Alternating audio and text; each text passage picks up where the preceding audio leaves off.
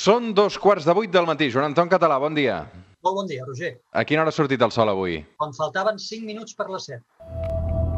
3, 2, 1, seganya!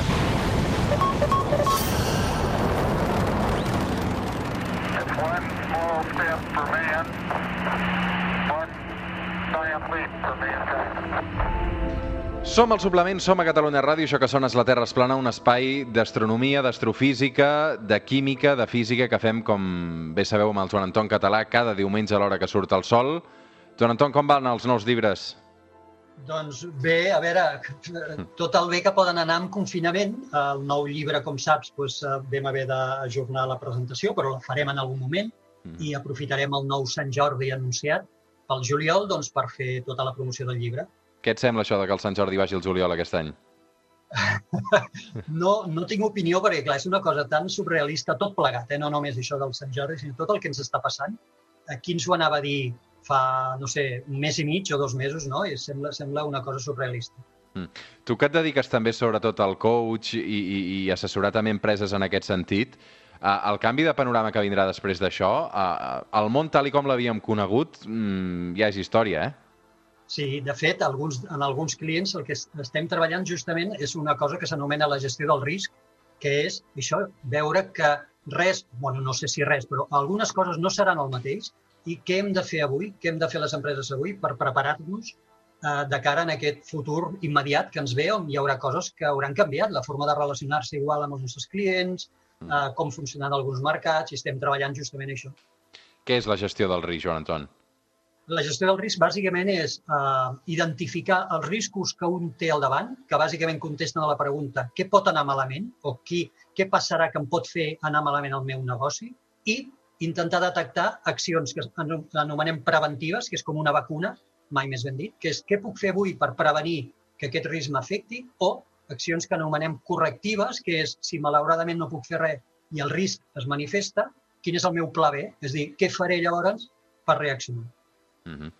Molt interessant, eh? Un dia, Joan Anton, aparcarem la ciència i parlarem també de, de tota aquesta gestió emocional perquè, perquè és interessant també. Um, I, evidentment, per, per les empreses, no? Perquè, perquè d'aquesta crisi sanitària és evident que ja s'ha convertit en una crisi econòmica, no?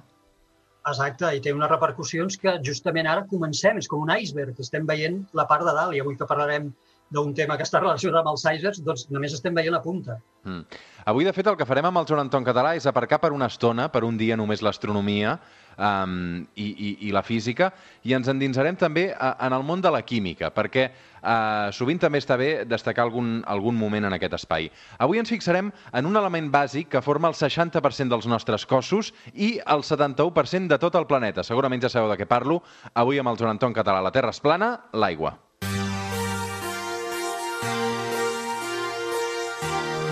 Joan Anton, des de ben petits ens ensenyen que parlar d'aigua és parlar d'H2O. Sí, fixa't, quina, dir? altra fórmula, quina altra fórmula coneixeríem? A part d'aquesta, tothom la coneix, però moltíssima gent, excepte aquesta, no en coneix cap altra, i tots aquesta sí que la tenim clara, H2O, que vol dir un àtom d'oxigen i dos d'hidrogen. Això és a l'aigua. Aquesta combinació, eh, com sorgeix entre l'oxigen i l'hidrogen?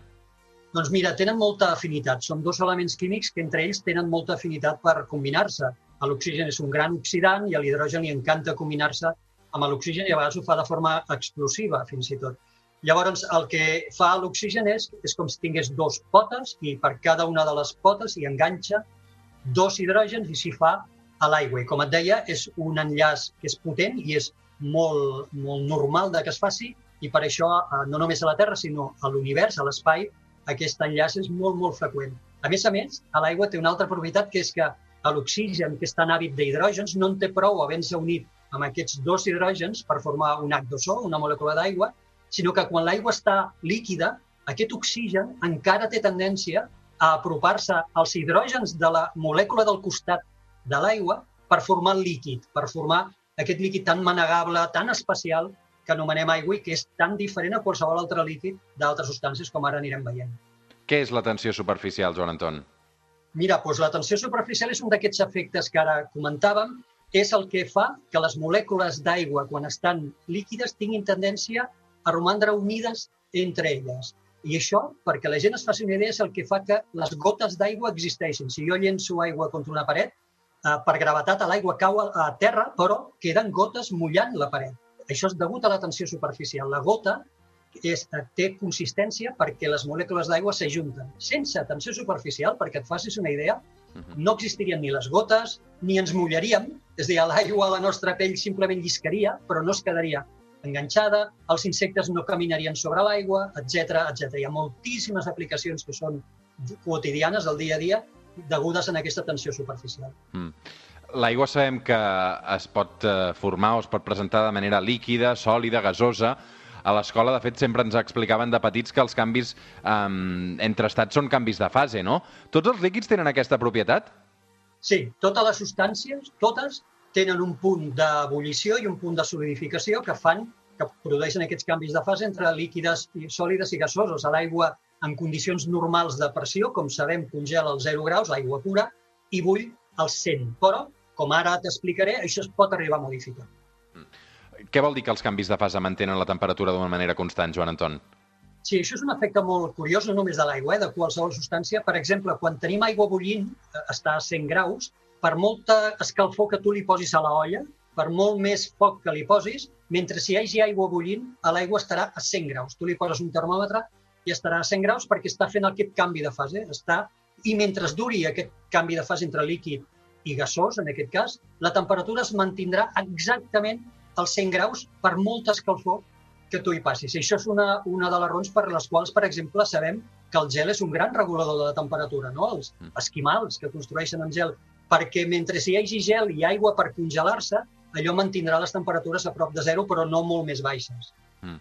Eh, Per què deies que les temperatures um, a què l'aigua es congela i a què, i a què l'aigua uh, bull es poden modificar? Com es modifica?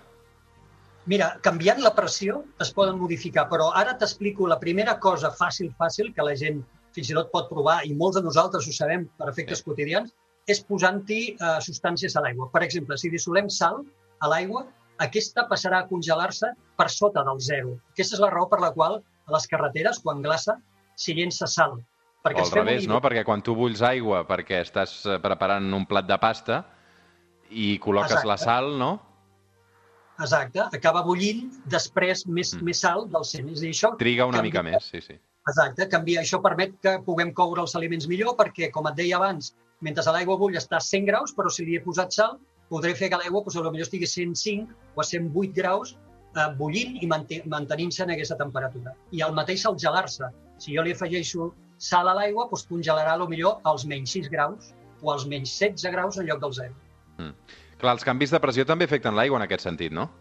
Sí, i seria l'olla a pressió seria el millor exemple. L'olla a pressió, el que fem és confinem a l'aigua dins de la olla, fem que augmenti la pressió i llavors en lloc de bullir als 100 graus, bull una mica més. Per exemple, una olla de cuina de pressió normal, eh, eh, dins la temperatura assoleix 120 graus en lloc del 100 que assoliria si l'aigua doncs, estés obert. No? I això fa que la cocció sigui més ràpida. Mm. O ara penso, per exemple, en quan tirem sal perquè neva, no? O perquè congela les carreteres. Exacte, com abans. Exacte, fa que, que la temperatura de congelació baixi i llavors a, a 3, 4 sota 0 aquell gel es, es converteix en aigua. Encara no és gel, encara no es fa gel perquè hi ha la sal. Mm -hmm. uh, totes aquestes um, característiques que estem explicant uh, són les que l'aigua comparteix, crec, amb altres líquids. Però, uh, de fet, l'aigua té unes propietats extraordinàries, no? Sí, fins ara, com deies, res a dir respecte a altres líquids. Però a partir d'aquí ja venen coses que són úniques de l'aigua, com per exemple, i això també tots ho sabem, que l'aigua gelada ocupa més espai que l'aigua líquida. És dir, és menys densa. La prova és aquella típica de que poses una ampolla eh, de, on hi ha molta aigua i la tens massa plena i la poses al congelador, aquella ampolla acabarà patant. I és perquè el gel, o l'iceberg, no? que dèiem abans, que ocupa molt més espai la part enfonsada que la part de dalt. I això és perquè l'aigua eh, líquida és més densa que la forma sòlida, que el gel, que és menys dens. Mm -hmm. Clar, um, per tant, uh, per això també expliquem per què surt el gel dins de l'aigua, no? Sí, i, i aquesta, aquesta és una propietat, com et deia, extraordinària de l'aigua, perquè no és habitual. La, la cosa habitual és que la, la fase sòlida sigui més densa, per entendre'ns, perquè ens fem una idea, pesi més. No, no estem parlant de pes, estem parlant de densitat, però en l'aigua és completament al revés. I, de fet, quan tu comences a congelar l'aigua, té, una, té una, un component que és molt, molt estrany. Tal com vas baixant la temperatura, l'aigua va començant a ser cada cop més densa, més densa, més densa, com seria normal en qualsevol altre líquid, però a la que assoleixes 4 graus i segueixes baixant, allà és on l'aigua comença a perdre aquesta densitat i es fa gel menys dens. Això és brutal i, com et deia, és una propietat única de l'aigua. Eh, Per entendre tot això que m'explica Joan Anton, hem d'explicar també com funciona aquesta congelació de l'aigua, no? Clar, si això que ara dèiem, dels 4 graus, que tu baixes i mentre tu estàs baixant aquesta temperatura la densitat està creixent, com en un líquid normal, però a partir dels 4 aquest comportament eh, s'inverteix i l'aigua comença a ser eh, cada cop menys densa. és Això que és només característic de l'aigua. Uh, escolta, més estrany que l'aigua tingui forma líquida? Sí, veus, també és un fet que donem eh, per suposat. Ah, sí, clar, l'aigua és líquida, però si tu agafes qualsevol altre compost químic i el combines amb oxigen, en lloc d'hidrogen el combines amb oxigen, o tindràs sòlids, que són tots els òxids, els metalls i altres, o tindràs gasos, eh, com el, el CO2, no? l'anhidrit de carboni, el diòxid de carboni, els diòxids de nitrogen. Eh, en canvi, a l'aigua, afortunadament, resulta que quan combines l'oxigen amb l'hidrogen és líquid, majoritàriament és líquid a les temperatures nostres. I això és vital per la vida, eh? Per tant, però com et deia, és una cosa extraordinària de l'aigua. Mm. L'altra cosa peculiar uh, segurament és que no es comprimeix amb facilitat. No, és molt complicat eh, comprimir aigua. Eh, S'estima que, per exemple, a, a un quilòmetre i mig de profunditat dels oceans, i això ha d'aguantar la columna de pes que significa tota l'aigua que hi ha per sobre, eh, doncs l'aigua només està comprimida en un 1% aproximadament. No es pot comprimir. Mm -hmm. Som al Suplement, som a Catalunya Ràdio, avui amb el Joan Anton Català parlant de l'aigua. Joan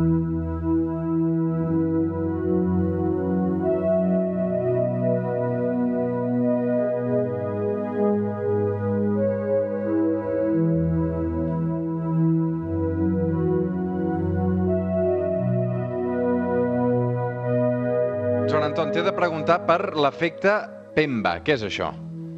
Sí, aquest era un noi que es deia Erasto Empemba, que és un estudiant eh, de, que va estudiar l'any 1963, crec que era a Uganda, ara no estic segur si a Uganda o, Tansa, o Tanzània, i ell va, va descobrir un efecte eh, molt estrany de l'aigua, que és ell feia gelats artesans amb uns amics a casa i se'n va donar compte que en determinades condicions, no sempre, però de vegades, les mescles que ell feia de gelats, on hi havia molta composició d'aigua, les, i les posava al congelador, doncs les que estaven més calentes s'acabaven congelant abans que les que estaven més fredes. I això és antisentit comú. És completament antisentit comú. I això es coneix com a l'efecte Empemba.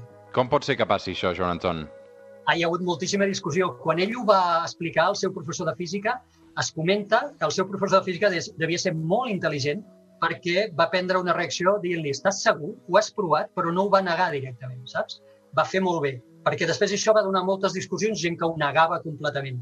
Creiem que hi juguen molts factors uh, sobre aqu- aquest efecte de l'aigua i que es combinen. Un d'ells és que quan tu tens dues masses d'aigua i una la tens una mica més calenta i l'altra una mica més freda, la que està més calenta ja s'ha evaporat una part d'ella i per tant pesa menys. Val? I al pesar menys segurament es congelarà abans que la que ja estava més freda que conté més aigua. Perquè et facis una idea del, del tipus de, de processos que intervenen. Però sí, sí, en determinades condicions, i això s'ha observat durant des de que ell ho va veure, però ja ho coneixien els grecs. Els grecs antics ja en parlaven d'aquest efecte, masses d'aigua iguals, aparentment iguals, una calenta, l'altra freda, i que es congela abans la calenta. Eh? Però, com et deia, intervenen molts factors i una d'elles pot ser la diferència de pes. Joan Anton, sabem que l'aigua també és un gran dissolvent, no? Per què? Sí, se li diu el dissolvent universal, tot i que no ho pot dissoldre tot, perquè aquest oxigen i hidrògens que, que hem dit que té a l'aigua s'orienten d'una forma, és a dir, els dos, els dos enllaços que fan els hidrògens amb l'oxigen tenen 104,5 graus d'angle, fan com un triangle, en un dels vèrtexs es col·loca l'oxigen i en els altres dos vèrtexs del triangle es col·loquen els hidrògens i això té la gran capacitat de fer que altres molècules que entrin dins de l'aigua es dissociïn una mica i les seves parts, les molècules, s'orientin en funció d'aquests vèrtexs del triangle. Per exemple, quan dissolem sal comuna, que és clorur sòdic, amb aigua, doncs el sodi té tendència a anar-se'n cap al vèrtex de l'aigua on hi ha l'oxigen, per exemple, i el clor de la sal té tendència a anar-se'n als altres dos vèrtexs que tenen l'hidrogen. I això converteix a l'aigua en un excel·lent dissolvent. Tot i així, um, tot això, no, l'aigua no ho dissol tot. Per exemple, l'oli estic pensant que uh, no ho aconsegueix, no? No, exacte, ni l'oli ni la benzina. És dir, és un gran dissolvent, però només de les substàncies que anomenem iòniques o polars, que són aquestes que tenen tendència a orientar-se eh, en funció de les càrregues elèctriques que hi ha. Però si són substàncies, això com el petroli o molts hidrocarburs en general o l'oli, a l'aigua no els pot dissoldre. Uh -huh. uh, en aquest espai, Joan Anton, sovint expliquem uh, l'origen de l'aigua a la Terra uh, i que és un dels components bàsics per donar lloc a la vida, però no és l'únic component vital, no? Perquè sí que hem demostrat que uh, hi ha hagut aigua en d'altres punts que no és el planeta Terra, però en canvi de vida no n'hem trobat. No, exacte. No és, pel, model de vida que nosaltres coneixem, l'aigua és fonamental, però a la inversa no té per què ser veritat. No vol dir que on hi hagi aigua, obligadament hi hagi d'haver vida. La prova és Mart. Allà hem descobert aigua gelada i pensem que n'hi podria haver líquida sota la superfície en alguns punts, però això no vol dir obligadament, tant de bo, però no té per què voler dir que, que existeix vida. L'aigua juga, això sí, un paper fonamental. Nosaltres, el nostre model de vida, el que tenim a la Terra, tots els organismes de la Terra, no el podríem concebir sense les funcions que fa l'aigua, totes les reaccions químiques que hi ha a les nostres cèl·lules, que això és el que anomenem metabolisme, doncs això són reaccions químiques que ens fan estimar, pensar, emocionar-nos, ens fan moure's, ens fan tot, tot, doncs tot això es fa amb mitjà aquós, amb l'aigua. I, perquè et facis una idea, el 90% del plasma de la sang és aigua i això també fa que es puguin transportar nutrients, eh, hormones, enzims al, al llarg de tot el nostre cos. Per tant, sense l'aigua nosaltres no, no estaríem vius. Uh -huh. Evidentment, eh, nosaltres formem... Que, que és un 60%, no, el nostre cos d'aigua? Sí, entre un 60 i un 65% d'aigua. Mm. Uh, on hem trobat aigua més enllà de la Terra, Joan Anton? Resulta que és molt abundant, com que abans explicava que aquest enllaç entre l'hidrogen i l'oxigen és potent i són hàbits els dos de combinar-se, hi ha moltíssima aigua, curiosament, a llocs del sistema solar que són més petits que la Terra i hi ha molta més aigua. Per exemple, satèl·lits de Júpiter i de Saturn, sent més petits que la Terra, tenen moltíssima més aigua que la mateixa Terra. El mateix Plutó, eh? el Plutó té moltíssima aigua gelada, per suposat, però ara s'està dient, fa molt poc, una setmana, va sortir un estudi dient que potser també té un mar, o podria tenir, un mar d'aigua líquida sota la superfície. Eh? Per tant, l'aigua és un component relativament freqüent a l'espai, a l'univers, i la Terra, que és el nostre gran exponent, recordem ho vam explicar eh, en un programa anterior, l'aigua que tindríem a la Terra no seria segurament aigua que s'hauria quedat en el moment de la formació de la Terra, sinó seria un regal que ens va venir a partir d'impactes tremendos que hi va haver quan la Terra era molt jove, amb grans asteroides que van venir aquí. Ells són molt rics amb aigua gelada i ens van carregar un planeta sec i erm com la Terra en aquell moment, ens el van carregar d'aquest regal que es diu aigua. Mm. I això, el que et dic, l'aigua no existia a la Terra i en canvi és molt més abundant en objectes que estan més allunyats del Sol, perquè allà quan es van formar aquests objectes, aquests components més volàtils com l'aigua van poder formar part dels cossos d'entrada. Segurament dels últims descobriments també referents a l'aigua eh, més enllà de la Terra eh, és a Mar, no?, que es va trobar congelada fa uns anys. Sí, sí, de fet, Mart sabíem que tenia aigua congelada perquè la veiem a les fotos, veiem els seus pols a la zona polar del nord i del sud, que els seus hiverns s'omplen de gel, no només d'aigua, sinó de, de CO2 també.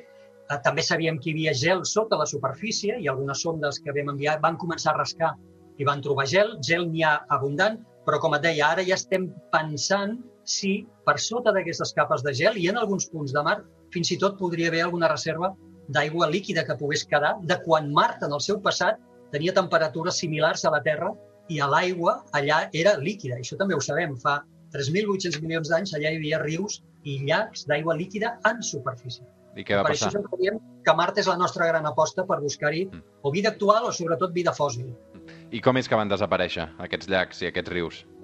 perquè eh, Mart a poc a poc va anar perdent la seva atmosfera. Això és un procés que tenim més o menys estudiat. Es va, va perdre el seu camp magnètic, és a dir, una brújula allà va deixar de funcionar perquè és un planeta més petit que la Terra i el seu interior es va refredar, i a la que un planeta petit com Mart perd el seu camp magnètic, el vent solar, que és aquesta pluja de partícules que venen del Sol, comença a escombrar l'atmosfera i comences a perdre l'atmosfera com si això, com si te l'escombressin. I, de fet, aquest procés de pèrdua d'atmosfera encara és actiu avui. Les, les sondes que tenim orbitant Mart ens demostren que encara avui la poca atmosfera que té Mart, a poc a poc la segueix perdent degut a això, que ja va perdre el seu camp magnètic, que l'ha protegit del vent solar, i a partir d'aquest moment el vent solar s'endú l'atmosfera i a la que perds l'atmosfera et baixa la temperatura, se't congela l'aigua. Mm -hmm. Joan Anton, va, fixem-nos en què passarà eh, avui o aquesta setmana al cel, perquè després d'aquest capítol fascinant també sobre l'aigua, també volem parlar una mica d'astronomia. Què hi passa aquests dies si obrim la finestra? Doncs qui tingui visió a l'oest, seguim tenint a Venus molt brillant a la posta de sol i qui pugui mirar finestres o balcons a l'est, veurà Júpiter, Mart i Saturn a l'alba. Per tant, est, mirant a Júpiter, Mart i Saturn, mirant a l'est a l'alba, i Venus a la posta de sol mirant a l'oest. Però la cosa xula és que aquesta nit, avui diumenge, aquesta nit, tenim la lluna creixent que se situarà al costat de Venus després que s'amagui el sol. Per tant, mirant a l'oest. Perfecte per fer fotografies. Fantàstic. Joan Anton Català, un dia més, la Terra és plana, avui amb aquest capítol dedicat a l'aigua. Una abraçada ben forta, cuida molt. Gràcies igualment, Roger.